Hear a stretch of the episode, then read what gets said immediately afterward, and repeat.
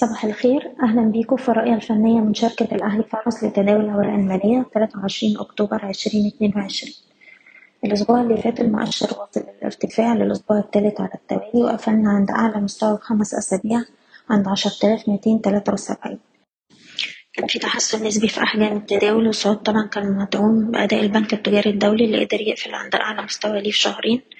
ودلوقتي إحنا بنستهدف مستوى مقاومتنا عشرة آلاف ربعمية وستين اللي لو قدرنا نخترقه لأعلى هيبقى في مجال إن إحنا نشوف ارتفاعات قوية الفترة اللي جاية. أقرب مستوى دعم دلوقتي هنركز عليه عند مستوى العشر تلاف ويلي مستوى تسعة آلاف سبعمية وأربعين. بالنسبة للأسهم هنركز على سهم أمو شايفين المنطقة ما بين تلاتة تمانين تلاتة سبعين منطقة جيدة للشراء. عندنا مقاومة عند تلاتة جنيه وتسعين قرش اللي باختراقها هتبقى إشارة صعود قوية ويفتح الطريق لغاية مستويات الأربعة جنيه وسبعين قرش. GB Auto شايفين السهم يتحرك من مستوى دعمه تلاتة تلاتين وعنده target عند التلاتة جنيه وتمانين قرش والناس اللي معاها السهم وبتحتفظ فوق مستوى التلاتة جنيه وخمستاشر.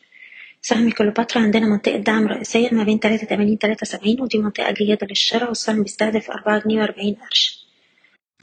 بالنسبة CIB بنركز على مستوى المقاومة بتاعنا؟ سبعة وعشرين جنيه وربع واخترق المستوى لم يفتح الطريق لتمانية وعشرين وربع وتسعة وعشرين ونص. وشايفين ال low بتاع الأسبوع ده حوالين الستة وعشرين جنيه وأربعين قرش. المجموعة المالية هيرميس الناس اللي معاها السهم بتحتفظ فوق الحداشر جنيه وتسعين قرش وعندنا مقاومات عند الاتناشر ستين تلاتاشر ونص.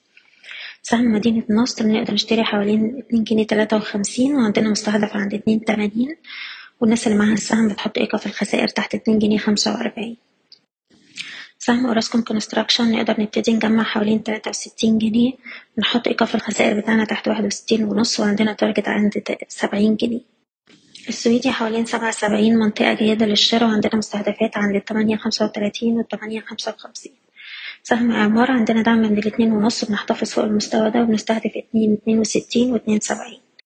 أخيرا بنك تنمية الصادرات عندنا مستهدف عند تسعة جنيه وتمانين قرش وده طول ما إحنا محافظين على مستوى الدعم بتاعنا تمانية تمانين. بشكركم بتمنى لكم التوفيق. إضافة الشركة غير مسؤولة عن أي قرارات استثمارية يتم اتخاذها بناء على هذا التسجيل. شكرا.